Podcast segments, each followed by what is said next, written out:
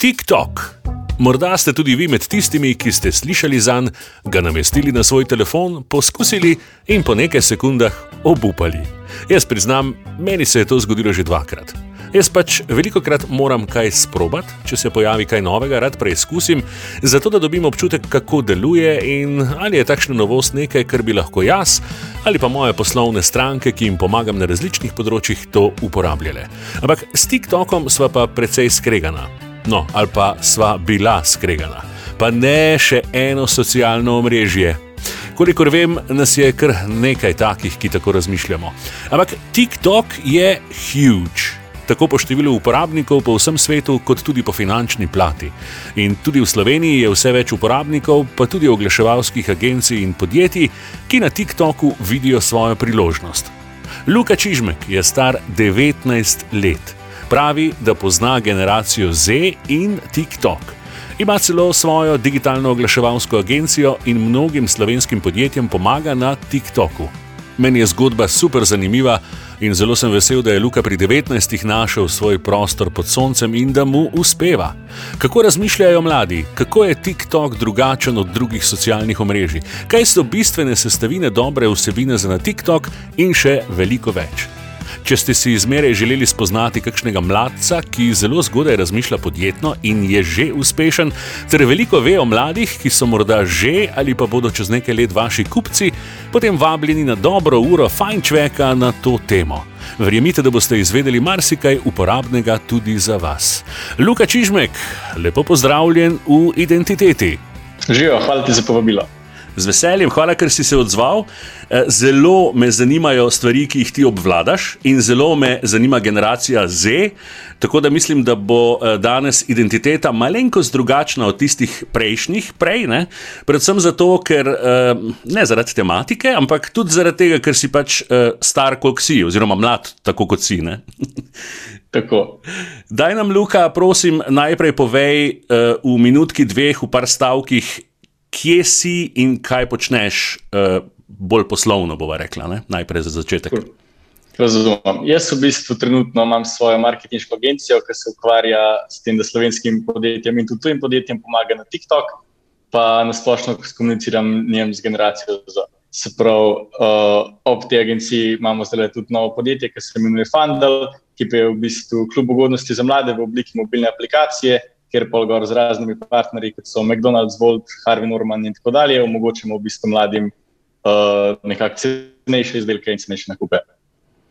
Okay. Uh, o Fundlu bova tudi govorila, ampak najprej se bova uh, spustila v TikTok sceno, če si za. Sure. Okay. Uh, veliko ljudi razmišlja tudi pri nas, Eh, tudi leta 2021, ko ob koncu tega leta to snemava, za tiste, ki morda gledate ali poslušate to kdaj v naslednjem letu ali v naslednjih letih, um, da je TikTok um, še zmeraj eno tako. Eh, socialno omrežje, ki ni vredno neke pozornosti. Ne? Uh, kako, bi, kako bi odgovoril na, na takšno razmišljanje na začetku najnega pogovora? Ja. Najprej bi zelo sproščeno vprašal, zakaj se jim tako zdi. Pa, pa bi pač videl, kaj je odgovor na to. Ve, veš zakaj? Verjetno, ker bi rekli, joj, pa ne še spet eno omrežje, ne, ne še spet ena priložnost, ena možnost. Um, ja, kako bi potem naprej odgovoril? Razumem, Le, jaz sem imel izkušnje s TikTokom take. V bistvu, začel sem dve leti nazaj, moja mama je zobozdravnica in je imela svojo zdravstveno ordinacijo, imenuje se Ortodental. In smo v bistvu dve leti nazaj, kot eno od prvih podjetij v Sloveniji, naredili svoj TikTok profil in smo še zdaj v bistvu najbolj sledeno slovensko podjetje na TikToku. Je v bistvu mama, mama je celebrity ne, na TikToku. Tako, ja, mama je celebrity na TikToku, vsi 15 do 25 jo poznajo, tako da smo naredili kar velik premik v tej generaciji. Okay. In uh, zdaj, kdaj si ti, recimo, dobil idejo, da bi to zgodbo, čeprav razumem, ortodenta uh, razširil. Ne? Se pravi, ti si v bistvu mami pomagal, uh, si razmišljal, kako bi zdaj na TikToku tisti uspeh lahko verjetno prenesel še kam drugam in pomagal še komu. Prav razumem? Ja, ja. v bistvu, ko smo mi začeli, sem tudi jaz po enem treh re, mesecih rekel, pismo, meni se ne da teh TikTokov snemati. Ne. Pa sem prav zadeva outsource, pa sem povedal, da ni nobenega pametnega človeka, ki bi šlo to res. Pa sem rekel, a ok, da bomo pa mi to začeli delati. Tako da to je bil neki dan premik, ki smo ga naredili. Okay. O tem poslovnem delu uh, tvoje zgodbe bova še nadaljevala, ampak uh, dajva se osredotočiti na TikTok kot na platformo. Zakaj je po tvojem mnenju TikTok drugačen od drugih? Ne, ne samo zaradi publike, ki je gor, o tem bova tudi rekla, ampak kako je drugačen TikTok od vem, Instagram storijev, uh, YouTube reelsov, karkoli. Ja, eno je, da je samo video platforma, druga stvar, ki se mi zdi, zakaj je pa, pač tako hitro zrastel, je pa zato, ker so videi zelo, zelo, zelo tako shareable. Imáš opcijo, da jih šeraš na kjerkoli drugo omrežje in v bistvu v kotu videa se bo gor pokazal watermark. TikTok logota, pa uporabniškega imena profila, iz katerega ti z video je prišel. Se pravi, bojo čisto vsi videli, da je ta video iz TikToka, ne glede na to, ali ga vidijo na Instagramu ali na Facebooku ali kjerkoli drugje. To je bila v bistvu zelo dobra poteza marketinška TikToka, v bistvu zelo dober onboarding proces. Zdi, da, ja. Ja. So pa, kolikor vem, delali zelo močno na tem um, creative uh, strani, na, na način, oziroma kako kreiraš v bistvu vsebine. Ne? Na tem delu je TikTok v bistvu zelo močan, da so poenostavili uh, način delanja uh, teh pač video vsebin. Ne? Tako je. Ja. V bistvu prej si pač imel program na računalniku, kjer si lahko veliko bolj znati, kako nek video povedati. Tukaj imaš pa v eni aplikaciji v bistvu cel software, kjer samo s prsti pokažeš video, daš tekst, stiker, karkoli hočeš in objaviš in glasbo. Ampak običajno, vse tako se mi zdi, recimo, okay, med nami je res generation gap. Ne? Uh, ti si 19, jaz sem bil letos 50, tako da uh, bi, bi lahko bil moj sin, pa bi bil ponosen, da bi imel takšnega sina. um, ki bi bil podjeten in, in tako razmišljal pri svojih letih. Um, ampak razmišljam veš, o tem, da mnogi mi rečejo, pa tudi z mano je bilo tako. Ne? Jaz pač zmeraj spremljam neke trende, ne samo v marketingu in um, pač v medijih, ampak na splošno me stvari, full stvari me zanima in spremljam, kaj se dogaja. In seveda sem naložil med drugim tudi TikTok. In moj prvi odziv je bil, oh moj bog, kaj je pa to. Uh, Kratko, ja. kra, kratko uh, veliko krat brez vsebine, oziroma slabo narejena vsebina, uh, veliko je smeti. No? Kako bi komentiral to? V bistvu tako je tudi. Čisto na začetku zelo daš aplikacijo, algoritem še ne ve točen, kdo si pa kaj ti všeč. Tako da ti daje zelo, zelo različne stvari, počasi mm. ugotavlja. Ja, mm. Tako da je čist, na začetku čisto trendom, pa tudi tako je, če si jaz naredim uh, TikTok račun, zbrati moraš, ker leti si rojen. Če jaz zdaj zberem, da sem rojen 50, pa, pa pač gledam samo neke videe, ki punce lipsinkajo ali pa plešajo ali karkoli, verjetno niste star 50, ampak sem tudi 13 let stara punca. Pa dobro, to, tudi, če so dobre punce, tudi to je fajn pogledati. Zdaj, da mi ne bo kdo zameril, pa me ne bo, več, to je treba biti previden ne, pri takih izjavah, ampak vse, eh, če so stvari fajn narejene, ni nič narobe. Tudi tud lipsinki so lahko zanimivi in zabavni. Ampak, ja, viš, to, je že, to, je, to, je, to je že pomembna informacija, ko si rekel. Ne? Je treba označiti resnično leto rojstva, ker na podlagi tega verjetno uh, tudi algoritem uh, laufa, ne? kaj bi tebe zanimalo. Um, ok, kaj pa. Uh, In potem bolj uporabljaš, bolj seveda njihov algoritem uh, slišim, oziroma kolikor sem prebral, je, je uh, res izjemen, no? uh, da res je. dobro zadene to, kar naj bi tebe zanimalo. A imaš podatke o tem, kaj vse beležijo, v smislu, da je da ful? ja, tukaj, kar se tega tiče, nimamo nobenih podatkov tudi moje šli od tega researcha, ker bi se samo strašil, če bi vedel, kaj se ve o meni. Ampak ne, nimam nobenih podatkov, kaj se reče. Okay, okay. In kako zdaj tvoja generacija, uh, ti pač skozi svojo izkušnjo, verjetno zelo poznaš tudi uporabnike, vse slovenske uporabnike, Generation Z, če rečemo v bistvu, um, pa tudi ostale, verjetno na TikToku. Kako se ti zdi, da konzumirajo uh, vsebino? Kaj je? Kaj je tisto, spet, ki, ki, kar je drugačno na, kot na drugih platformah? Ja, tukaj se mi zdi tako. No, niti ni to pomembna sama vsebina, da se pravi, ne rabiš nekaj zelo izobraževalnega povedati ali pa nekaj fulsmešnega narediti, ampak šteje tudi ta nek vibe vsebin. Se pravi, če so tako, TikTok ima platforma sama nek drug vibe, kot ostale, se mi zdi. In ta vibe mu je v bistvu dala pač publika, ki imamo svoje neke inside joke, ki so po celem svetu isti, pa jih pač razumemo sami, pa noben drug. Tako da to se mi zdi, da je tudi en razlog, zakaj smo se tako prelepili na to, na to platformo. Pa zelo zanimivo se mi zdi, zdaj, ko sem še posebej pred najnim pogovorom eh, nekaj več časa preživel za to, tudi na TikToku, pa enih par objav naredil, ki so čist mimo za začetek, ne, priznam, ampak eh, je bila pa neka, bom rekel, uh, učna pot ali pa, veš, treba je začeti uporabljati, zato da razumeš neko platformo. In se mi zdi, da meni se je zdelo vsaj. Pred nekaj časa, ko sem prvič zdownloadil TikTok, ne, da Da moraš imeti glupe fore, ali da moraš eh, biti zabaven, smešen, uh, ali pa to, ta, totalno odštekan. Ne? Kar razumem v pač teh letih 16 do 25, 30, kakorkoli, ne? so ti pač druge stvari zanimive in druge stvari pač zabavne. Ne? Ampak vidim, da ni tako. Ne? Recimo v primeru, če greva na vem, tvojo mamo, ne? Eh, kako je že ime Gordana? Gordana. Ja, vidiš, sem si zapomnil, ja, vidiš, Gordana. Um, Niso, mislim, vibe, ko si rekel, to, je, to se mi zdi zanimivo. Vibe ne, je drugačen, ne, se pravi, je na nek uh, način narejeno z neko energijo, kar, je, kar razumem.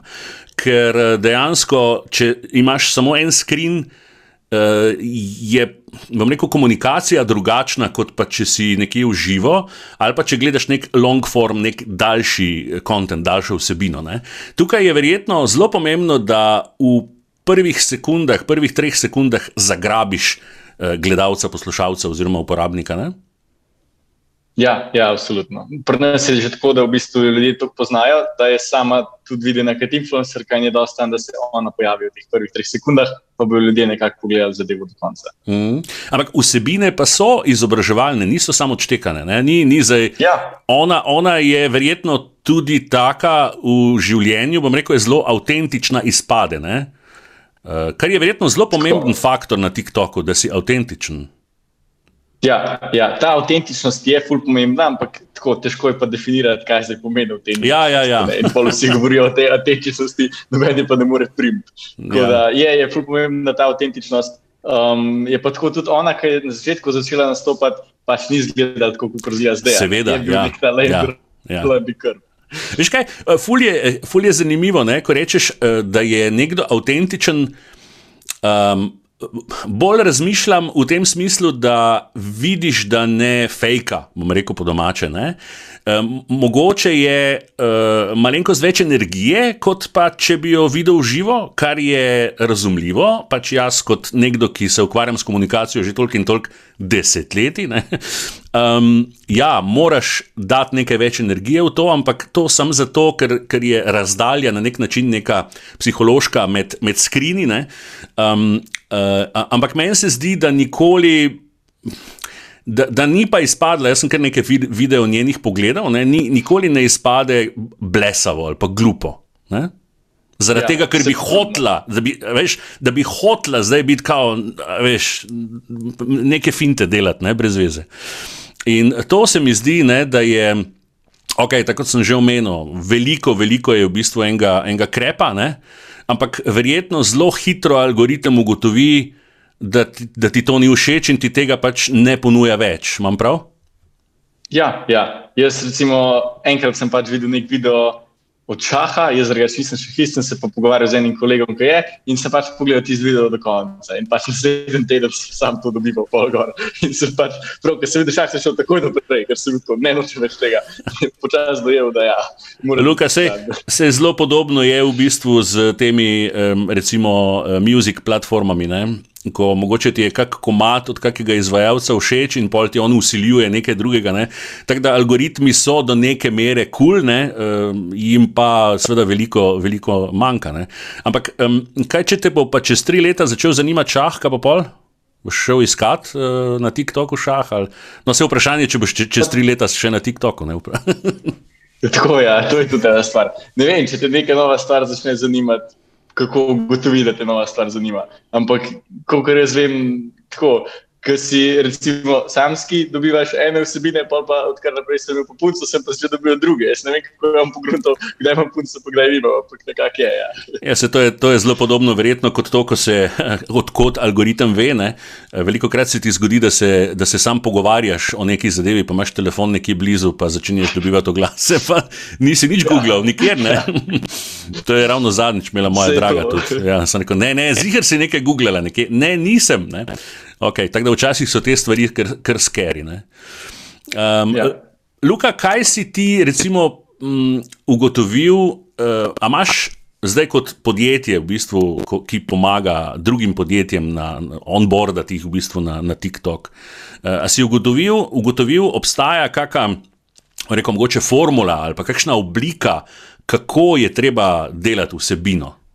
Daj nam nek nasvet ja. tistim, ki si to želijo, ali so podjetja.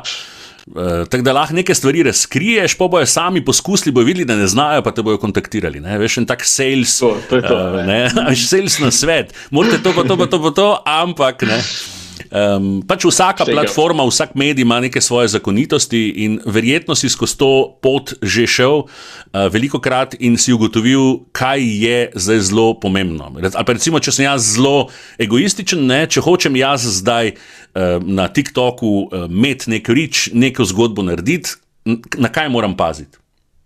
Štekam. V bistvu realna situacija je taka, da je 835 stvari, ki jih pač moraš narediti prav, če hočeš, da zadeva funkcionira. Ne? Ja, ja, ja, ja, ne, ja, ne verjamem. Nimam seznama, nimam seznama vseh teh stvari, ki so napisane. Tudi jaz vidim en video, ki se meni zdi dober, jaz niti ne znam povedati nekomu, zakaj je ta video dober, ta pa slab. Jaz lahko samo povem, kaj je slabo na tem slabem videu, pa kaj se da popraviti. Tako da pomembno je vse, pomembno je, da daš ta pravo glasbo zraven, ker videi, ki imajo glasbo, dobivajo malo več ogledov. Mhm. Pomembno je, da daš tekst v zgornjo polovico ekrana, zato na spodnji polovici je caption, pa bi se pa prekrival. Pomembno okay. je, da pač so videi kratki, ne vem, od 10 do 30 sekund, dlje ne. Um, in pač tako dalje. No. Pomembno je, da uporabljaš TikTokove nove funkcije, ker te algoritem bolj puša. Pomembno je, da imaš influencerje, zaradi tega, ker so pač bolj gledani in boš imel več ogledov in tako dalje. Pač tega je res ogromno. Okay. Zdaj, kot podjetje, misliš, je dobro, da imaš influencerje. Ali pa če jaz razmišljam kot moj personal brand, ne, uh, pač Tako, lahko razmišljam podobno. Lahko razmišljam podobno, verjetno tudi, ne, kakšna sodelovanja. Um, obstaja kakšna posebna funkcija, recimo, ki omogoča sodelovanje? Uh, um, v bistvu imaš, na kak način lahko tako, sodeluješ? Ja. Ja, imaš se pravi live streame, kjer lahko mi dva, dva ustvarjalca, v bistvu jaz, John in tvoj live ali pa ti mojega, pa se v bistvu pogovarjava, kot se dela tukaj, sem na TikToku. In enako se ti ta live prikaže v bistvu na For You page, kot vse ostale vsebine, pa pač lahko uporabniki gledajo, kako se mi dva zdaj pogovarjava v živo. Uh mhm. -huh. Še kaj? Za podjetja imaš pa v bistvu tudi TikTok Marketplace, ki ga zdaj le še ni v Sloveniji, to pa Nimamo je v bistvu. Še, ja. Ja, marketplace, kjer se ustvarjalci v bistvu nekako prijavijo, potem pa lahko podjetja v bistvu iščejo. Jaz pa rabim ne enega, ki ima tako publiko, pa jih tam lepo pokaže, kdo so te in jih pač kontaktirajo. Mm. Da ni tistega, če hočem zdaj le nekaj v Italiji delati, jaz nimam pojma, kdo je relevanten v Italiji, lahko pa grem na TikTok marketplace in pogledam. Uh -huh, uh -huh. In um, recimo, če ti zdaj, ko si sodeloval, si omenil par brendov že čist na začetku. Um, Kako se lotiš kreiranja neke kampanje ali pa nekega razmišljanja kot, kot firma?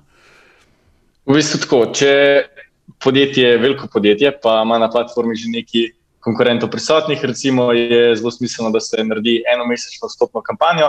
To pomeni, da se posname res v enem mestu 50 videov, 30 se jih objavi na profilu podjetja, se pravi enega vsak dan, 20 se jih pa objavi na profile od influencerjev in je to en tak velik boom in se naberejo glede in sledilce, in nekako lahko prehitiš konkurenco zelo, zelo hitro, pa tudi zbilaš nek brand awareness. Uh -huh. Tako da to, od tukaj naprej se pa potem v bistvu objavlja 10, 15, 20 videov na mesec, kako koli se dogovorimo, in nekako vzdržujemo ta brand awareness. Če pa tista kampanja pač na nek način neprimerna, se jo pa pač spusti, pa se lepo začne s 15 videovi na mesec in to. to. Se pravi, je kot povsod, seveda pomembno tudi na TikToku, da imaš nek attention, začetni. Ne? Verjetno zaradi tega rabiš ja. nek, nek šus na začetku, ne? neko izpostavljanje. Ja, tudi, tako je. Algoritem te na začetku, kot novega uporabnika, malo bolj boosta in reče: ah, okay, če bo ta zdaj dubo gledal, bo še naprej objavljal, pa, pa jih mogoče večkrat zmanjša, upam, da pač ne opaziš. Ne? Mi smo opazili, ampak uh, se zbati tisti prvi mesec, recimo, res izkoristiti. Uh -huh, uh -huh. In zdaj sodelovanje z nekimi influencerji, te eh, v bistvu zelo podrobno uh, se, bom rekel, razišče, uh, kateri naj bi bili primerni za določen brand, verjetno ne? ni zdaj kar vsak, ki ima nek doseg, primeren za sodelovanje. Pač verjetno je treba paziti, uh, koga vzameš. Um, ali kako to tako, ja. delate? Ja. Niso, absolutno niso vsi za vse je pa tako, eni influencerji imajo neke svoje karakterje, ki jih oponašajo, in tisti so meni v bistvu najbolj všeč. Ker ta karakter je, recimo, eden oponaša babico, to je lahko babica, ki gre v McDonald's, lahko je babica, ki gre v Harvey Norman, lahko je babica, ki gre nekam drugam in lahko ti isti karakter ponudiš na 55 različnih načinov, pač rečemo na vseh brendih. Nekdo okay, pa ja, ja, bo specifičen samo za fitness, tam pa pač ne bo zdaj, ne bo zdaj šel v McDonald's, žal. ja, no, gledaj, mislim. Lahko tudi, ne, ne hecam se. Seveda, ja, eh, to, to je zelo pomembno. In veš, kaj se je meni recimo dogajalo, ko sem uh, gledal in spremljal in šel pogledat pol. Um, uh, kako se temu reče, verjetno nek page uh, od ne vem, Volta ali pa Avanta, uh, ki lahko greš nazaj gledati uh, vse videe. In uh, kar na, na njihovem pageu, kar naenkrat vidiš video, ko je v bistvu nek influencer, ki ga ne poznaš ker je bilo za me pač nova platforma. Recimo, no, ja, ja. Uh, ja. In, a, a, a tam se ne da nič tega, kdo to je, ali, ali vse v opisu, se v bistvu tega, normalno. Ne? Vse, vse lahko se tega. Mi kdaj tudi ne tegamo, tega, ker so tisti, ki so redni pravniki TikToka, točno vejo, kdo je kdo. Tako da mogoče nismo tega. ja, ja, ne, ja, jaz sem bil prestar, pa pojma nimam. Ne, um, okay. Kdaj je pa tebe v bistvu pritegnil TikTok, rekel si dve leti nazaj si ja. se prijavil. Kdaj, a si ga takoj razumel kot medij? Ti je bilo ne, to ono? To je, to je zelo tako. No. Um, jaz tudi takrat sem bil, bi rekel, malo anti-social media, ali pa nisem, nisem bil na Instagramu, nisem bil na Facebooku, ki me niste potegnili platformi. Sem pa takrat dosti Gary Vija gledal in je on začel, da je ta TikTok bo pobiga. Ne? In sem pač res rekel, ok, da je mu sprobati. Tako da to je bilo, ja, glih dve leti, pa dva meseca nazaj, se mi zdi, konec septembra, začetek oktobra, ko smo pač začeli prvi ortodental, pa objavili naše prve videe. Jaz sem pa tudi svoj profil odprl, pa začel objavljati, ker sem hotel zgruntati tudi kako na platformi spet kot influencer. Pol pa, ker sem nekako zgruntal, sem pa počasi nehal, pa začel to tudi za brende delati. No. Ampak kljub temu, gledaj, star si nič, ne? mislim. Nič. Tako, ja. um, res si zelo, zelo mlad in, in mi je všeč, da si začel razmišljati o poslovnem modelu. Pravzaprav. Ampak odkot, zdaj, če se oddaljiva malo od TikToka za, za nekaj trenutkov, odkot ti um, to razmišljanje? Uh, jaz vem, da ko sem jaz bil toliko star, takrat je bilo moderno biti, uh, recimo, glasbenik, pa neka, a veš, glasbena zvezda. Ne? Pač vsaj mi smo v mojem bablu tako razmišljali in smo imeli bend, in to je bilo, to je bilo fajn. Uh, Uh, razumem, da zdaj so stvari drugačne in uh, mnogi si želijo biti ali influencerji, ko bodo uh, veliki, ne, uh, ali pa podjetniki. Ne, in si rekel, Gary V. si prej omenil. Ne, verjetno je zdaj biti entrepreneur ne, uh, nekaj veliko bolj modernega kot pa pred uh, vem, 30 leti. Kako si ti razmišljal, ja, zakaj si prišel do te ideje? Te je podjetništvo že prej zanimalo, pa si tu videl idejo, ali kako se je to zgodilo? Ja, v bistvu čist podjetje podjetništvom ali pa nekako z marketingom sem začel, ker sem bil tam 15 let in to je izgledalo tako, da sem pač najprej mami tudi pri Instagramu pomagal. Ampak tam nismo nekega trakšna dobili, ker je bila tudi platforma že malo bolj saturirana, pa ali si plačal, ali pa ni bilo nič in pač mi nismo plačali, tako da ni bilo bolj nič. Pol pa uh, nekako srednja šola, takrat mi je šla dosti na živce in sem hotel najti nekaj, kar pač lahko delam zdraven, pa če bi tista zadeva uspela, bi pač logično delal tista stvar pol full time. Tako da čisto začetka od 7. 8. leta ali pa kaj takega me ni zanimalo. Pol tam 14, 15, 16, tam pa me je začelo zelo zanimati in smo v bistvu začeli to agencijo. No. Ful dobro. In kakšni so bili, recimo, uh, prvi piči pač podjetjem? Ne? Ti si imel zdaj, uh, ne vem, bil si verjetno star, kaj 18 let, takrat, ne, ko si začel uh, 17, 18, ja. pičati. In, in kako je to izgledalo, kako si prišel do firme? Si imel neko, neko srečo ali si koga poznal? Ja. uh, je to mama? Je, je, je evo, to je bila mama. Se, se, se, se, aha, no. se mama, ki je uh, celebrity na TikToku, lahko pride tudi malo pomahati pol vmes, če pa okay, če okay. ne mimo. um, uh, no, to me je zanimalo v bistvu. Mm, Kako si, kako si pristopil? Ne? Ti je kdo odprl vrata, kot se temu reče, da je naš Luka pa to dela? Je, je bila to ena zgodba ali si ti kar na cold pitching šel ja. kar na firme? V štartu ne, ker tudi nisem pač imel nobenega takega, ki bi mi vrata odprl. Tako da v štartu je bil pač spam, e-mail, spam, LinkedIn, jaz delam to pa to, a lahko je naredim skupaj. Tako da je bilo, je bilo težko, cene so bile tako nizke, da pač si delal za par sto evrov, 20 TikTokov, kar pač se zdaj ne da. Um, drugač, ena od prvih strank je bila takrat Voltno, ker sem pa nekako to referenco dobil, je pa šlo vse skupaj malo lažje. Ja, ja verjamem, verjamem, da ko imaš eno zgodbo za sabo, kot je v bistvu eh, mamina, oziroma pač ta zgodba, uh, je potem, uh, ko si pa dobil Volt, je pa bila še dodatna neka referenca in zdaj je veliko, veliko lažje. Verjetno. Zdaj se počasi uh, verjetno ali otepaš ali pa ful širiš uh, ekipo. Ne? Tako je, oboje v bistvu. Ker tudi ne moreš to kičiti, če pa pač vse prodati, ne gre. Ne. Zdaj imamo mm. 10-15 naročnikov, ki jim vsak mesec profile upravljamo, se pravi 10-15-20 videov na mesec, za vsakega in je hitro postane velik. Je to, je to problem, ko postane tovarna?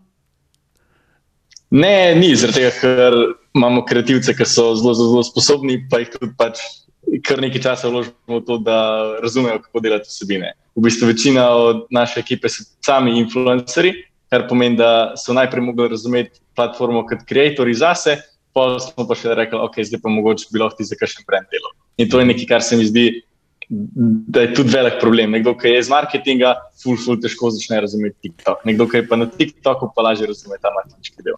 Definitivno. In veliko krat je verjetno uh, pač ta generation gap se zgodi, ne? če je nekdo, bom rekel, za ena pamet, star okrog 40 let, ima pa ful izkušnjo v marketingu.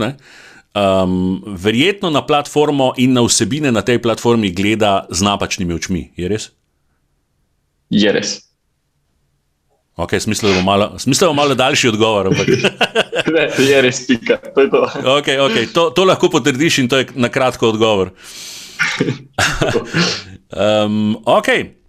Dajva mogoče zdaj uh, iz TikToka, upam, da sva dala enih par na svetu in, in enega takega pogleda, um, ker verjetno je težko zdaj še bolj zdefinirati uh, iti v globino in uh, rešiti rešit, uh, svet v tem podkastu zdaj s TikTokom. Uh, ampak zanima me pa uh, ta tvoja nova zgodba, Fundl. Uh, ko si mi napisal, Tako. pa sem šel pogledat uh, FUNDL, sem rekel, kaj je to, Fundil, Fundils, se pravi, sem poštekal na nek način. Ja, ja, ja. v bistvu z enim redkih, no, folk ful izgovarja Fundl, pa smo pač mislili, da okay, se to samo v Sloveniji, ko govorijo upam, da druge dajo.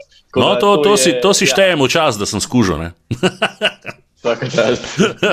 Zakaj gre, povej nam? V bistvu Fandal je, kot sem rekel, klub ugodnosti za mlade v obliki mobilne aplikacije, ki povečuje vrednost denarja mladih. Mi smo zdaj v bistvu dva meseca v akciji. Startali smo s prvim partnerjem, ki je McDonald's, dva meseca nazaj in naredili svoj prvi McFandel meni v McDonald'su. Se pravi, je McDonald's dal naš brand na svoj brand to pač v Sloveniji ni še zdaj noben dobil, smo bili prvi, tako da smo bili ponosni na to. Ja. Ja, od takrat naprej pa smo razvili aplikacijo, ki je zdaj zunaj, po mojem, en mesec pa pol. Pa smo gor spravili še nekaj novih partnerjev, pa še veliki, ki prihajajo v kratkem. Deluje pa tako, da je v bistvu sistem kuponov, se pravi, uh, McDonald's naredi nek meni, ki ga da po veliko nižji ceni, kot bi dal drugač za mlade. Mi imamo na, na aplikaciji starostno omejitev od 15 do 25, mm -hmm. za nekatere mhm. kupone, nekateri so pa za vse. Tako da v bistvu firmam omogočajo, da navajajo res samo to publiko od 15 do 25 na svojo blagovno znamko in jim bo pol ti ljudje zvesti tudi kasneje, ker bodo imeli večjo stroškovno moč. Odlična ideja. Um, kako si prišel, oziroma kako ste prišli do te ideje? Je to nekaj, kar ste videli kje v tujini, ali je to nekaj popolnoma na vašem zelniku zraslo? Ja. Nič na robe, če Sem... kaj kopiraš, oziroma če ja, kakšno ja, ja. idejo dobiš. Ne, ne mislim. Ja. Ne, ni, ni tako, da bi iz tujine nekaj prekopirali, bolj se gre za to, da pač upokojenci imajo neke svoje klube ugodnosti, mladih pa nimajo. Zakaj? Pač, mladi so res ciljna skupina, ki se noben z njimi ne ukvarja. Samo dijaki v Sloveniji porabijo nekje 250 milijonov evrov na leto. To ni za telefonček, ki ga kupim mami, ampak sem za kavice, pa za majčke, ozari, pa za McDonald's in tako dalje.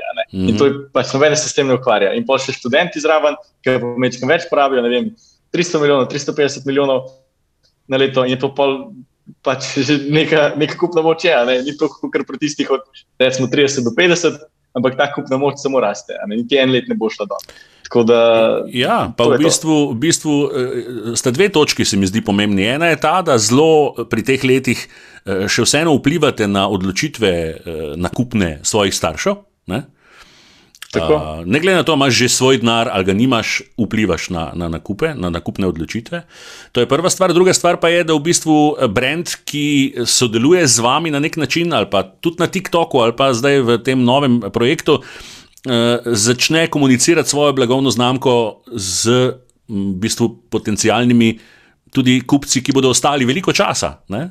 Tako, ja. To je, to je v bistvu res to, kar delamo. Ne? Razlika se mi zdi pa med agencijo, ki se s TikTokom ukvarja, pa med Fandlom, je pa, da na TikToku se zelo easy naredi brand awareness, sledljivo prodajo pa težko narediš. Na Fandlu je pa direct sales. Tukaj boš aha, aha. točno vedel, koliko se je tistih kod ponudil, ali pa koliko se jih ni, in ni nobenega, nobenih številkic v zraku, ki neč ne pomenijo, ampak lahko vsak bo videl, kaj znamo narediti. Ok, pa verjetno, gledaj, zdaj eh, dela za TikTok, eh, vodenje profilov in akcij imate na agenciji, čigar imena pravzaprav sploh še nismo povedali. Ne? Ja, agencija se reče Nok Nok. nok Nok in to je Nok Nok.ca, ne? Tudi. Uh, na domena je noknok.media. Pika, pika medija, ok. Uh, bom Tako, dal tudi ja, v ja. description. Ja. Uh, Hvala. Na, na, brez problema. Na agenciji v bistvu imate verjetno zelo veliko dela, predpostavljam. Zakaj je bilo zdaj treba narediti še fundl? V bistvu, tako kot sem rekel, agencija pokriva ta brand awareness na TikToku, mene pa tudi mladi in general zanimajo. Ne? In če lahko pač v bistvu omogočimo da se vrednost denarja mladih poveča, sem bil tako, ja, ok, let's try. To je, to je v bistvu to. Plus znanje, ki smo se ga tukaj naučili v marketingu, do mladih, nam tukaj zdaj zelo, zelo, zelo prav pride. Ja, ja, ampak nisi se ustrašil, ne? nisi rekel, čakaj, tam imamo dovolj dela. Nisi, ali pa nisi se ustrašil, ali pa nisi zaspal. Rekel, si, ste očitno iskali skupaj nek, nek nov poslovni model, eh, kar se mi zdi fenomenalno. Pač, eh, Tako je. Ja ni, je meni vedno v interesu inovacija, mogoče mi je tudi zdaj le tako. Jaz res čakam, da pridejo TikTok, ki si ven za Slovenijo, to pa je nekaj Q1 in do takrat je tako, tisto še bilo na je, še bilo na deluje, nimamo nekih blaznih sprememb, katerim bi se mogli prilagajati in je bil cajt, če za kakšno stvar zraven sprobati. Ja, ja. In, in še posebej to, kar si rekel, ja. stvar, je, uh, stvar je medljiva pravzaprav. To je zelo pomembno tako. za brende, ne? za podjetja. Absolutno. Mm. Ja. Um, in, in kako zdaj v bistvu Fundl deluje uh, samo izključno na TikToku, ali tudi tu gledate na neke priložnosti, ki je druge? V bistvu Fundl je svoja aplikacija. Razumem, ne, ja, ja. Ampak v bistvu profil ima Fundl tudi na TikToku. Ne? Tako, uh, in kje, kje pridobivate v bistvu zdaj uh, uporabnike? Mogoče, ja, prav, veliko, uh, veliko, veliko, večino tega smo naredili v zadnjih treh mesecih na TikToku. Tukaj lahko mogoče tudi delim eno statistiko, ki je res in-depth view, kaj lahko TikTok naredi. Se pravi, mi imamo na našem hashtagu, se pravi, hashtag Fundel, ki je pod vsakim našim videom, nekje 4,5 milijona ogledov. Okay. 4,5 milijonov, milijonov ogledov. Ja, ja, ja, ampak lepa okay. številka, take okay. številke lahko dobimo za velikih naročnikov, ampak to je številka. Zdaj pa ne vemo, ali en ogled pomeni 3 sekunde, ali 5 sekund, ali 10 sekund, 20 sekund, kaj je nekdo gledal tisto reklamo. To so reklame. To ja, ja. so zelo dobro zamaskirane reklame, ampak so reklame. In smo šli v bistvu na vsakem videu gledati analitiko, watch time videa. Vsak video je gleda vem, 70 ur, ali pa 100 ur, ali pa 200 ur, ali pa 300 ur. In smo se šteli vse videe skupaj in smo prišli na številko 12.770 ur. Kaj je ta številka pomeni? Ki spraviš to v dni, je to nekaj čez 530 dni. Se pravi, en let in pol, ki so se naše vsebine predvajale pred facami teh mulcev. Se pravi, mm. nas res, res, res dobro poznajo. Če pa se prav tisto številko ur deliš v bistvu z številom uporabnikov, ki je recimo 350 tisoč, da si pa vsak gledal okoli dve minuti. To pa, to pa pač ni malo. Če vsak vsak pač v tej ciljni skupini dve minuti gleda tvojo reklamo in to je reklama. Ne? Se je dobro zamaskirana reklama, ampak je reklama. Bolj pač upam, da, da date neko predstavo, kaj se je zgodilo z našim številom uporabnikov, pa pač tudi z uh, prodajo na koncu. Luka, Luka, veš kaj je hecno, ko rečeš ti dva, dve minuti, to je veliko. Ne? Ogromno je dve minuti, to so na ja, treh mesecih. Ja, ja, je prihajajoč z moje generacije, dve minuti nič, v bistvu. Ampak ne, se strinjam, se strinjam. Uh, ker, ker, veš, treba je razmišljati tudi, uh, kako se ta oglas, ta vsebina uh, na, na nek način komunicira in kako se usidra. Zato, ker je uh, taka vsebina veliko bližje tvoji ciljni publiki. Ne? ali pa tej Jasne, generaciji, ja. kot pa če bi gledali 30 sekund oglas na televiziji. Absolutno. Absolutno. Pa tam se gre za to, tisti je potencial reč. Jaz ne vem, ali je na drugi strani televizija mu se del pogledal ali ni. Ali je šel na WC, ali je šel po vodo, ali je šel po. Ja, ja, ja, ja, ja. ja brez debate. Tu, tu veš, da je tako, tu veš, da je aktivno bil zraven. Ne? Tako. In ja. razdeliš tiste dve minuti na ne vem, osem različnih vsebin, ki je vsaka smešna na, malo drugačen način. Pa če imel osem interakcij z neko znamko, v marketingu, če se ne motim, da nekdo sedemkrat nekaj sliši, da si približno mhm. zapomne. Tle smo recimo zdaj na osem, tako da osem interakcij pa pač že ustvari neko znamko v se pravi mislih potrošnika.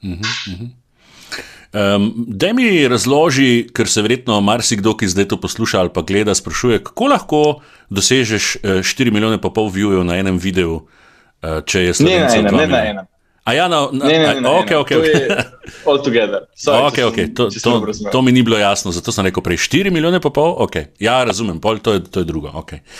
Um, vredo, kako je šla potem uh, zdaj uh, ta fundl zgodba? Verjetno je bilo veliko lažje fundl prodajati zdaj obstoječim strankam uh, tvoje agencije oziroma jim predstaviti. Verjetno ni bil, ni bil tak problem. Uh, ker se mi zdi, ideja je super, plus uh, imajo tudi podatke, koliko kupončkov se, se uporabi. Ne? Absolutno, absolutno. Mi tudi vsem, s katerimi pač sedemo, pa začnemo delati in rečemo, ok, dajmo mi na en prvi dejt. Pa pač, dajmo realno pogledati, kaj lahko mi za vas naredimo. Nobenih tistih nekaj vnaprej, kar koli, do novega leta smo zelo, zelo, zelo prilagodljivi in bomo mi najprej pokazali, kaj lahko naredimo. Po novem letu mislim, pa, da bomo imeli tako kritično maso, da se noben več ne bo vprašal, je to ležite stvar ali ne, ne. Tudi zdaj, ki je McDonald's zraven, pa Harvey Norman zraven, pa Pod zraven, noben uporabnik na drugi strani ni več tako, aha, je ta zadeva ok ja. ali skem, zakaj me se popusti. Je, je ležite, brez dvoma.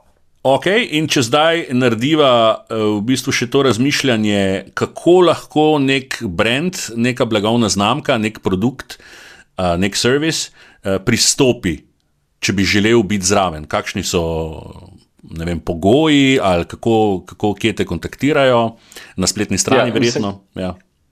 Ja, to je tisti spletna stran od Noknaka, spletna stran od Fanda je pa funodelo.si. Tako da tam lahko najdete. Ja, ja drugače pa tudi na LinkedIn-u. Um, začne se pa tako noč, brez komplikacij. Zdaj, odvisno je to spletna prodaja ali je prodaja v nekih poslovalnicah. V poslovalnicah je mogoče mečkan težje, v glavnem bo uporabnik dobil na naši aplikaciji kupon, kjer bo noter unikatna koda, ki jo bo v bistvu pokazal v poslovalnici in v poslovalnici jo pač nekdo poskenira ali pa prebere z unikim QR čitalnikom in to je to. In je, je popust pač dan. Pri spletni prodaji so pa lahko ali unikatne kode ali pa pač ena koda za vse, ki jo v bistvu piše enako v, v pač spletni strani in se tam popust zabeleži, koliko je bilo nakupu s tisto kodo. Mislim, zadeva je tako preprosta, da je briljantna. Ne? Vse, mora biti. Pač to so najboljše stvari, so take. Ja, ja, ja, to je to. Ampak recimo, če, še, če se želi neko podjetje pridružiti zdaj temu, se, se, se, nekdo je zdaj poslušal, se mu zdi ful dobra ideja, rad bi to probal.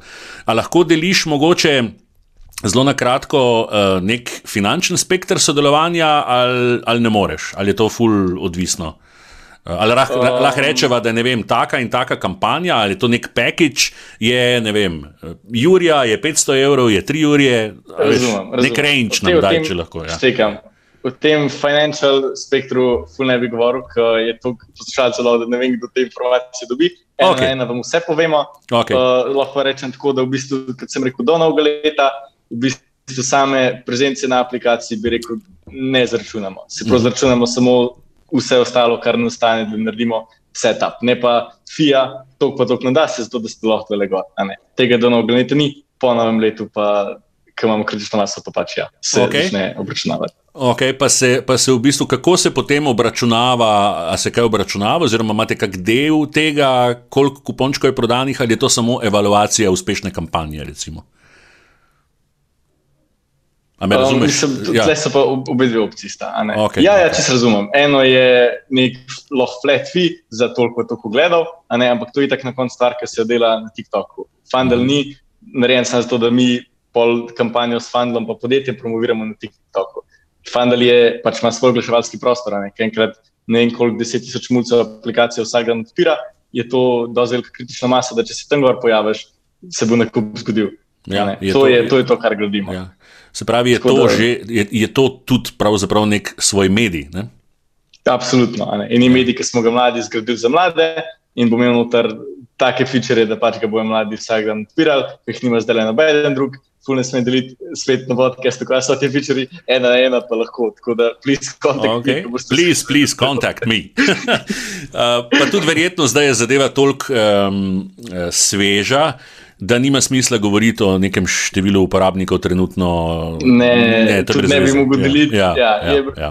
Pa, ampak, se pravi, da se razume, ni brez veze, zato jih je malo. Uh, brez veze je zaradi tega, ker jih bo hitro veliko. Ja, ja, no, vse zato, ja, zato, zato je brez veze. Razumem, razumem. Ja. um, a, a, so, a obstajajo kakšne opcije, da recimo, če neka agencija ali pa nek brand, ki ima full velik doseg, um, A, a obstaja možnost nekega dela, pa če razmišljam, zdaj brainstormam. Ne?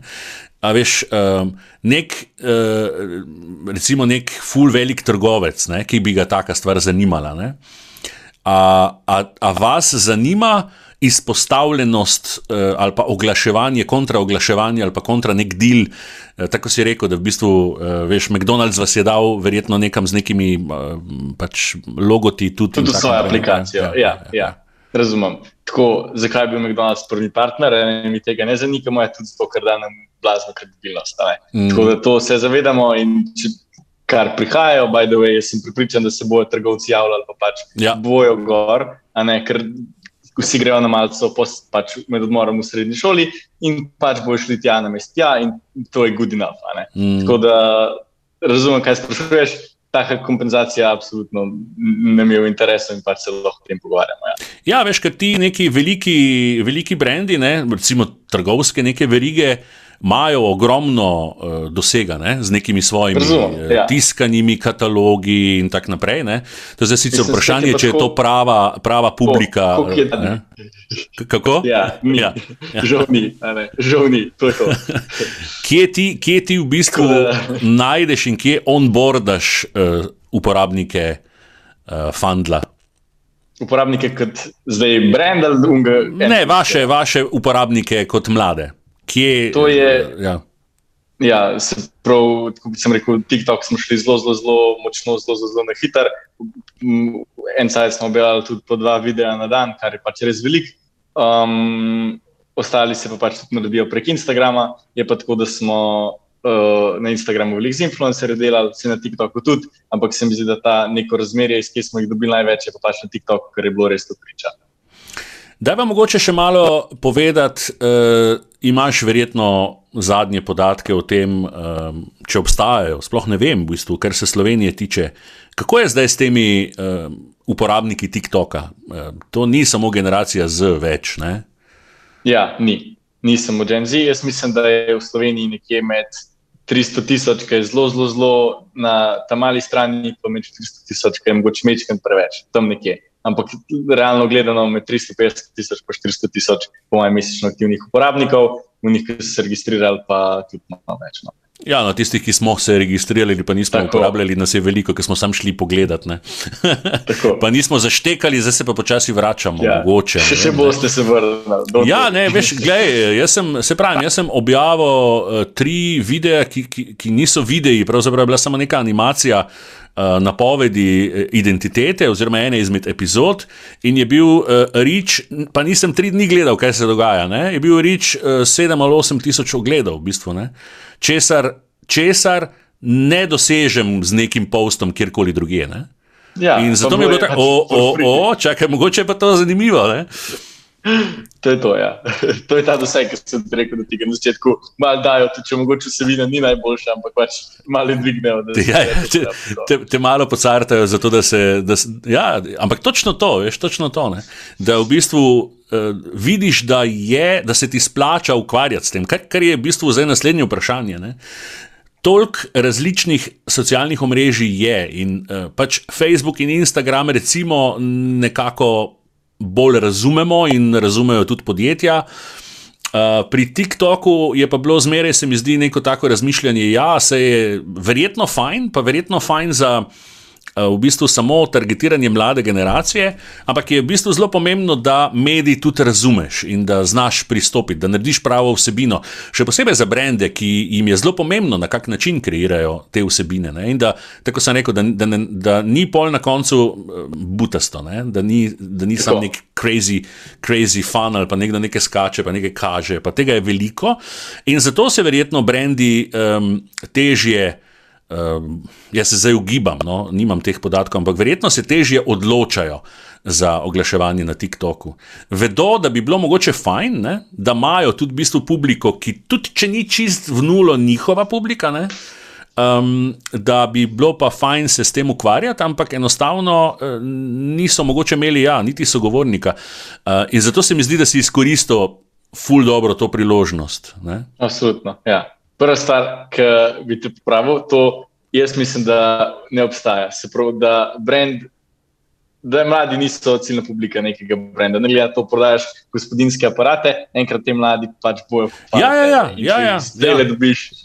Ne, mogoče je to TikTok. A veš, ja, ja nek, nek fokus, kjer ga imajo. No? Veš, mogoče pač Razumem. so bolj fokusirani na, uh, ne vem, bom rekel, starejšo publiko, ki pa. Uh, kaj pa vem, bolj rabi kreme za revmo, pa mislim, je brez veze. Okay, ja, čeprav, čeprav, ja, čeprav tudi verjetno jaz jo bom rabo čez eh, deset let ali pa pet, pa ti čez trideset, ne, sej v bistvu, veš, pa čez petdeset. Ja. Uh, tako da se strinjam ja. s tem, da, ja, da je mogoče tudi um, uh, pretirano, to sem hotel v bistvu reči, da je mogoče pretirano razmišljati o TikToku kot samo o omrežju za, za mlade. Ne. Bolje je mogoče smiselno razmišljati, ali je moj brand tisti, ki lahko uh, na primeren način nagovarja na TikToku. Ne. Tako, ja. Mislim, da je zobozdravstvena ordinacija first choice za TikTok. Je, ne, pač ni, ne, ni. ni. Absolutno ni. ni. Mi, pač, mi že dve leti držimo sapo, mi res, naša ciljna publika so več na ženske od 20 do 40. In pač zdaj le je glih ta cajt, ki jih imamo na TikToku. No.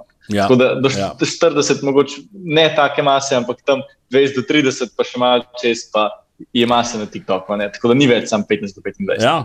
Kar je bilo pa meni zanimivo iz moje izkušnje, ki je tudi zelo kratka, v bistvu pri delanju tega podcasta, uh, je pa v primerjavi s tem, kar si zdaj rekel, ne, je v bistvu sem pa jaz presenečen, uh, da imam med poslušalci in poslušalkami tudi več, veliko več mlajše publike. Eh, kot sem jaz pričakoval. Da, Se pravi, da tudi mlada, mlajša publika, tam bom rekel do 30 let, recimo, če rečem, da je to mlado, vse iz moje perspektive. Ne?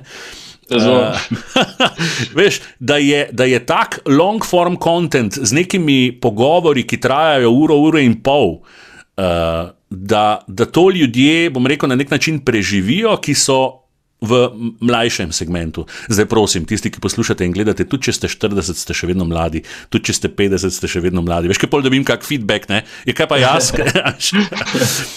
Ampak dajmo biti realni, no? dajmo biti realni, kaj je mlado ali pa mlajše, pa kaj je zrelo ali pa ne, odraslo. In ja, v tem smislu, zdaj, ko razmišljam, gledaj, um, um, mogoče v smislu bolj egoistično, ne, um, ali se mi splača meni za identiteto funkcionirati na TikToku, če pol vidim, da pravzaprav preden sem delal na TikToku, pridobivam tudi, bom rekel, mlajšo publiko. Se pravi, uh, se pravi, se mi splača, če so dosegi veliki. Ne? Absolutno. In ne, enostavno je to tudi, isto tudi za firme. Ja. Točno tako. Firme so pa velike, ker ti tako moraš biti posod. Pač moraš biti posod, ja, moraš biti tudi na TikToku. Ni vprašanje, ja ali ne. Ponovadi, kot si prej rekel, oni razumejo, dobro bi bilo imeti TikTok. tukaj se pa pol konča. Ja. In pač ne veš, ne veš, kje se loti, ne veš, koga kontaktirati, in pol, kaj se kdaj zgodi. Je, en 50 let star kreativni direktor se pač spomni, da ima narediti en challenge. Ki bo full daren in pol flopa, tako da se ven ne vidijo, in Mhm. pol si reče, da TikTok ne dela. ne. Dajmo To- za Luko, dajmo je- za Luko poklicati. Ja, lej, jaz, jaz challenge toplo odsvetujem. Zato, ker so po trije na mesec, ki pridejo ven in jih ima folk pač dost. In Ja. to je to. Je to, je to torej že, uh, challenge na TikToku so torej že zgodba, ki je pa se, je bilo to prej. Nikoli ne? niso bili good. nikoli Niso A niso bili? Pa Aha, ok. Kdo, okay. bo, kdo bo nek challenge naredil? Um, publika je starejša od 15 let.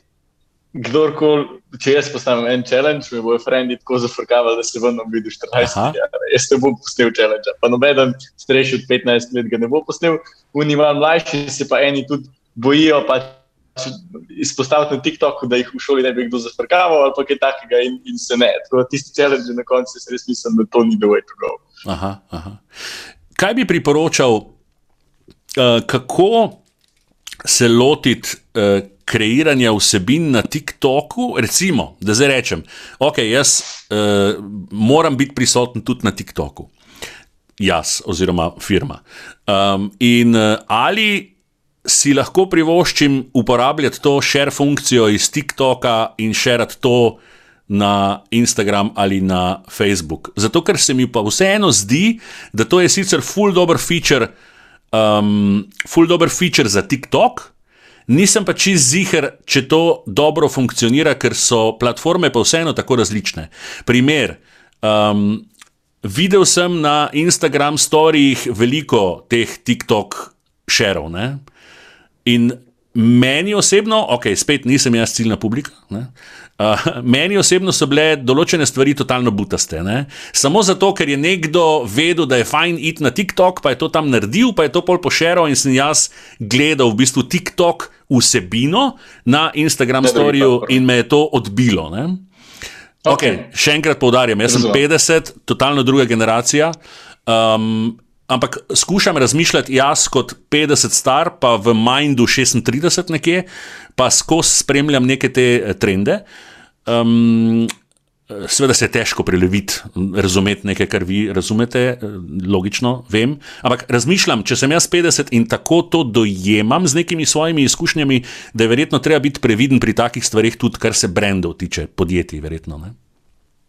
Razumem, mislim, tako bom rekel. Če so tisti videi taki, kot so pri nas protodenta, mi lahko čisto vsak TikTok delimo tudi na Instagram, ker Tako, so videi taki, tako, kot paše v ja, naš brand. se strinjam, a ne. Če ja. pa je tisti čist neka brezvezna glupost, ja, pač ne tega šerati na Instagram, če si brand. Prvo, kar je Mhm. pa vprašanje, zakaj sploh delaš karene gluposti na TikToku kot brand. Se ni, pač spet nerazumevanje platforme, moraš biti Ja. ja. smešen ali pa moraš biti neki. Ja, ne, ti ni treba biti, a ne.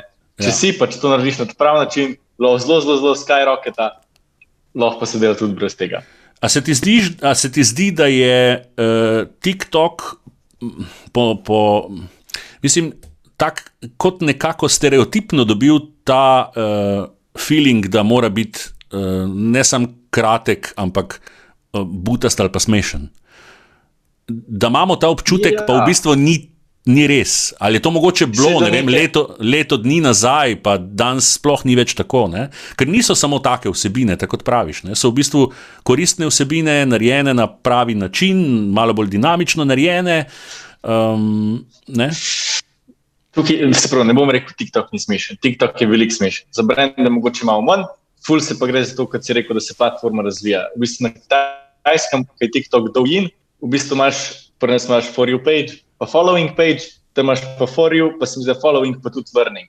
Se pravi, imaš A celo lear, learning. Okay, iz, ja. izobraževalne vsebine Mhm. -huh. prikazujejo. To, I might be wrong, tako da don't hold me accountable, ampak se mi zdi, da je tudi nekdo mi enkrat omenil, da je zakonsko omejeno, da morajo mulci pol cajta na TikToku preživeti na learning tabu ali neka taka fora. Ne vem, če je, če je to res, ampak Okej. tako. V glavnem, platforma se razvija v to smer, da je veliko bolj izobraževalna, kot sem smešna. Ker tudi starejši uporabniki, kot si pač rekel, ne bojo sam hotel teh brezveznih smešnih vsebin, ampak tudi kaj izobraževalnega pogledati. Mhm.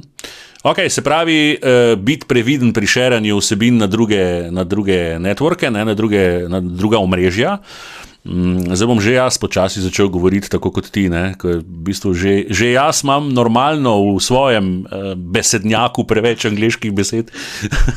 Ampak razumem, yeah. Ja. razumem, zakaj se to dogaja. Zato, ker si. Um, zato, ker vsebino, večino vsebine, ki jo um, v bistvu konzumiraš, uh, jo konzumiraš v angleščini. In, Tako, ja. pa se, se ne režeš, to je ta James Z. Talk. Veš, pač James Z. Talk. Ne bom zdaj fejkal, čisto slovenščine. Ja, ja. Eh, če so že pri tem, ne, stari ni več moderno, ne, pri James Z. to je, to je out, ne. stari to je pa tako, mm. veš, tu, ne, stari to ja, je. Ne. To je, to je stara zgodba. Mogoče skozi predvisno, kjer je del Slovenije, ampak ja, ja. ja ni.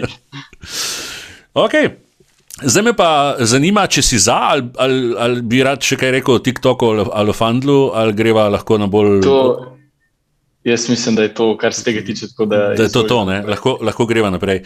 Um, torej, nekaj smo se že dotaknili tega tvojega razmišljanja v poslovnem smislu. Verjetno to, da ima mama um, ordinacijo um, na nek način. Je vplivalo na te v smislu razmišljanja biti um, svoboden pri poklicu oziroma pri nekem poslovnem smislu. Tako, ja. Pa se je to tudi dosti spremenilo. Sprav ona nima ordinacije od vedno, ker sem jaz vedel, ampak ima zdaj vem, dve leti resno. Prej pa še dve leti, ki je delala tako malo popoldan, drugače je bila pa tudi ortodontka, ki prej v pač zdravstvenem domu normalno, se pravi, Aha, okay. regular job. In takrat, ko sem jaz videl, da je tle potencial, da se to razvije, sem tudi jaz zelo, zelo, zelo v to smer navijal, da imamo pač mi to malo razvita. Kaj ste smo... se pa zmenili za honorar? Pa to? Ni to noč. Ne, to je all hers, pač vse, kar sem tle naredil. Ni, ni bilo na koncu samo moje, ne, ne morem tekati kredit, prej lahko rečem brez srbu, da je samo njeno, ampak TikTok vemo, da ni, je pa ja, ja. tako, da ja, ne, all friendly.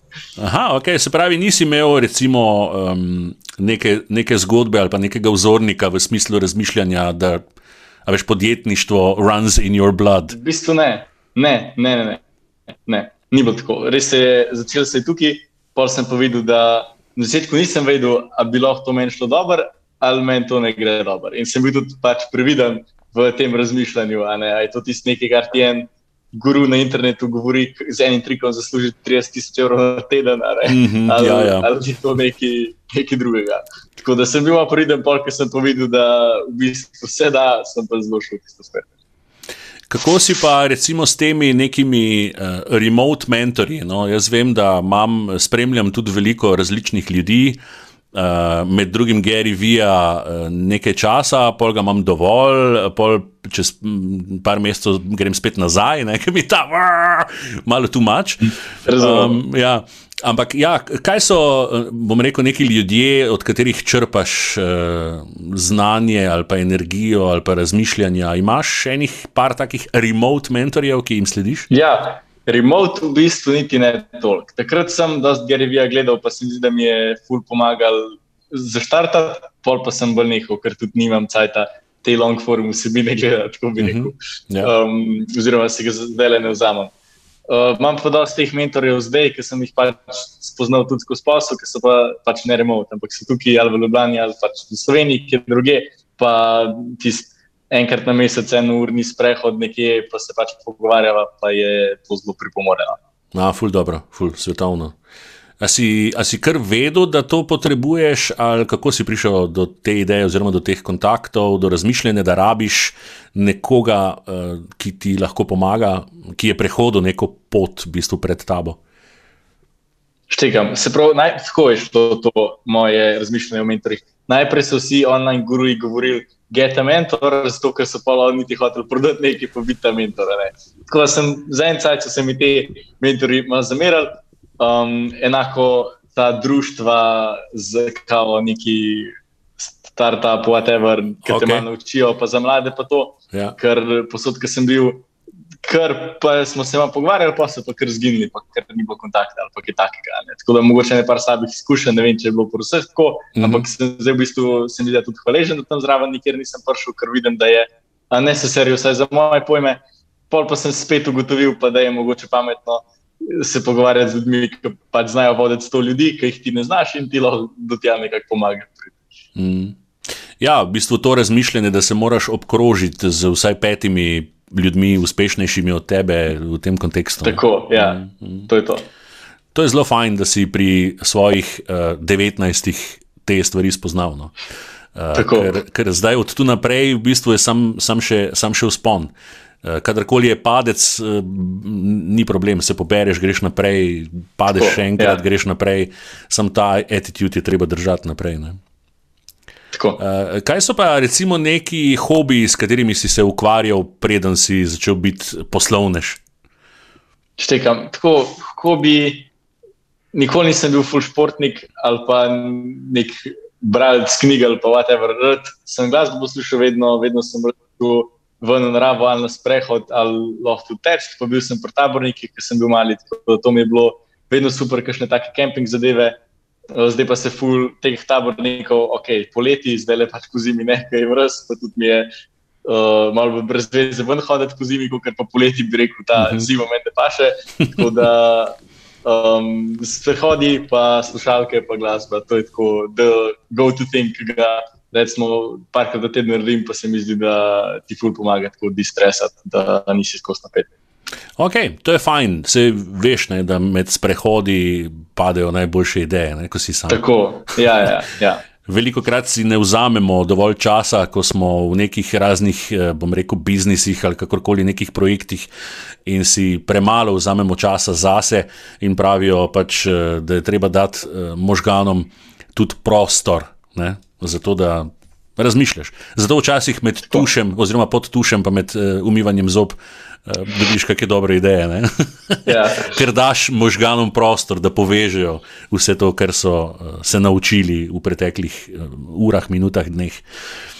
Uh, ok, Luka, razmišljal sem, da si morda vem, se ukvarjal s kakšno fotografijo ali kaj takega, da si lažje.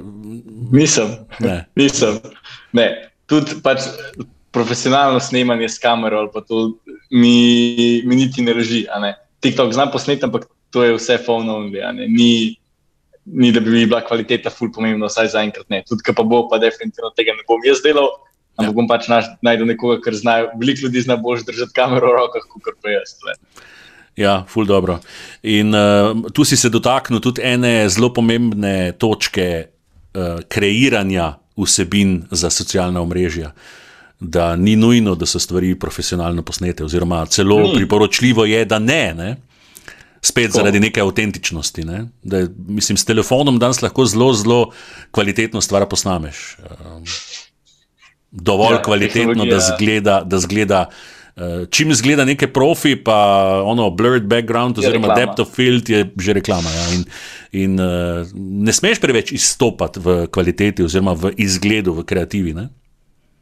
Tako, ja. Jaz se, se tukaj strinjam, zdi se mi, sicer, da se bo TikTok tudi razvil v to smer, da bojo videi rabu počasi postati bolj kvalitetni. Sploh v tujini se to že kar dosti pozna.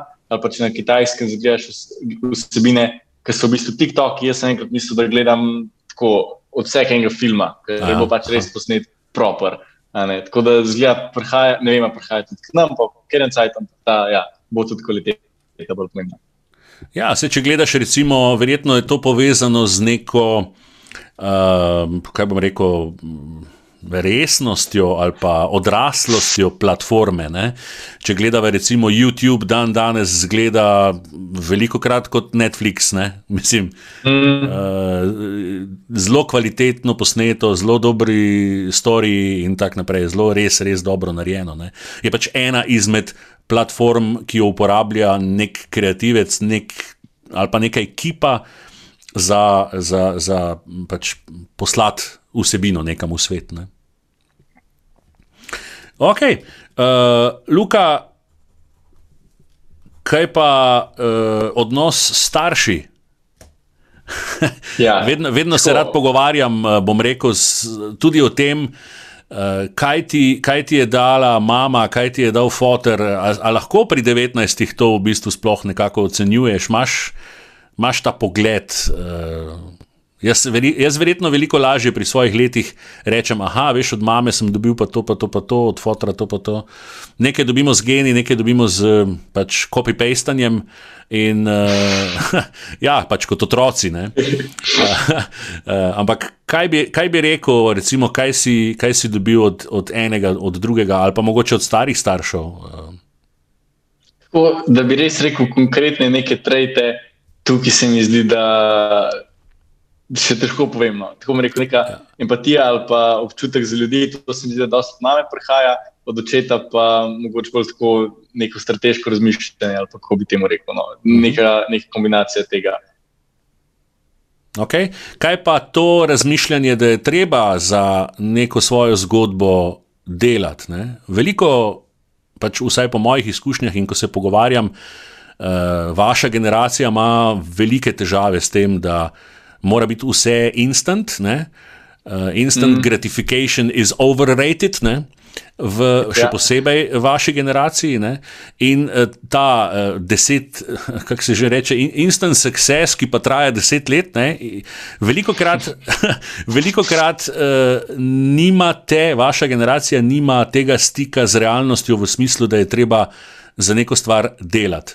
Ti si drugačen, uh, kot vidim, ne? in vas je veliko, tudi takih, ki ste drugačni in drugače razmišljate in pravilno razmišljate.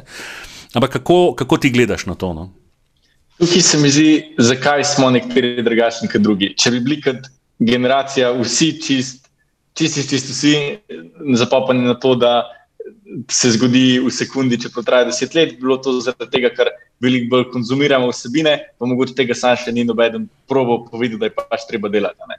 Jaz, kdaj sem videl, da sem dobil občutek za to, koliko je treba delati, da se nekaj dejansko zgodi, je bilo pač takrat, ko sem bil postavljen na realen trg, pa pač sem videl, koliko sem vreden, pa koliko nisem vreden. To je to, pa, pa pač ni več nobenih zgodbic, ampak pač te trg nauči, kaj se da, pa kaj se ne. In to je ena izkušnja, ki se mi zdi, da bi jo vsak od mladih nekako dati skozi. Ja, ja, ker slišim tudi veliko krat težave v smislu nekih zaposlovalcev, ne? da je ta generacija, veš, da, da, ste, da ste drugačni, kar je čisto, mislim, se vsaka generacija je drugačna.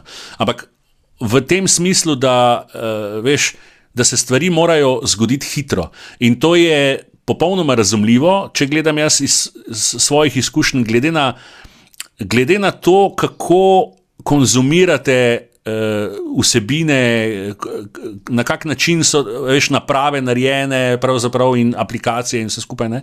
V veliki meri je vaše življenje instant, ne?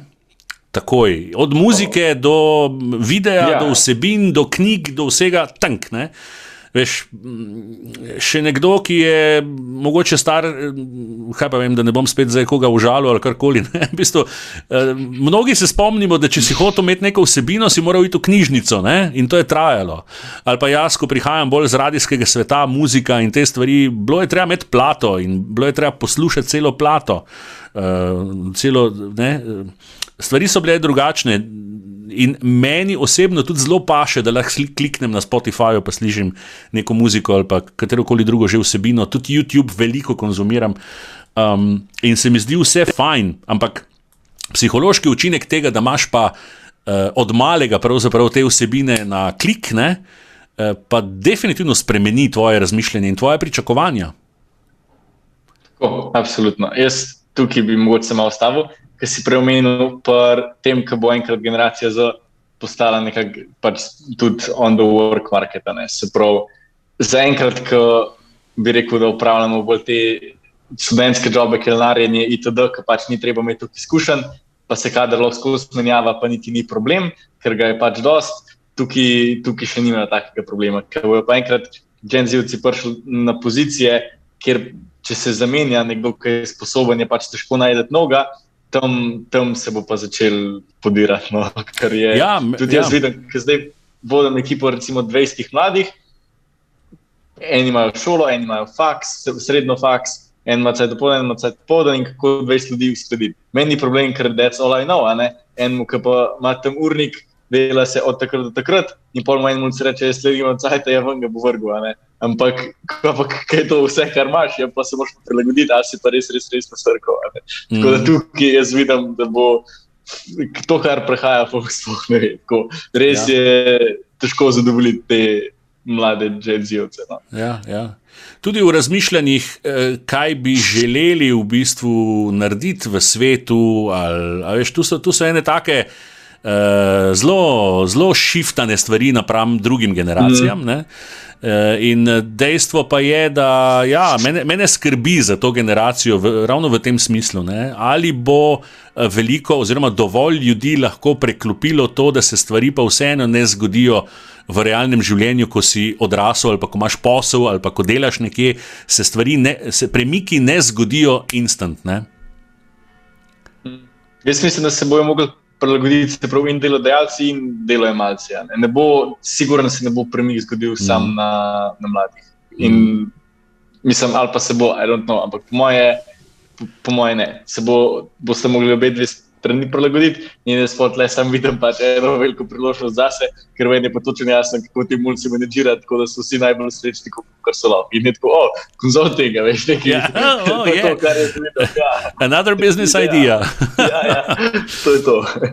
No, zdaj si vem, kaj bom delal čez deset let. No, no, no. Zdaj, zdaj, si, zdaj si v bistvu načel moje naslednje vprašanje in to je, kje se vidiš v naslednjih par letih tukaj, ali pač seveda boš odprt za neke nove ideje, to razumem, ampak.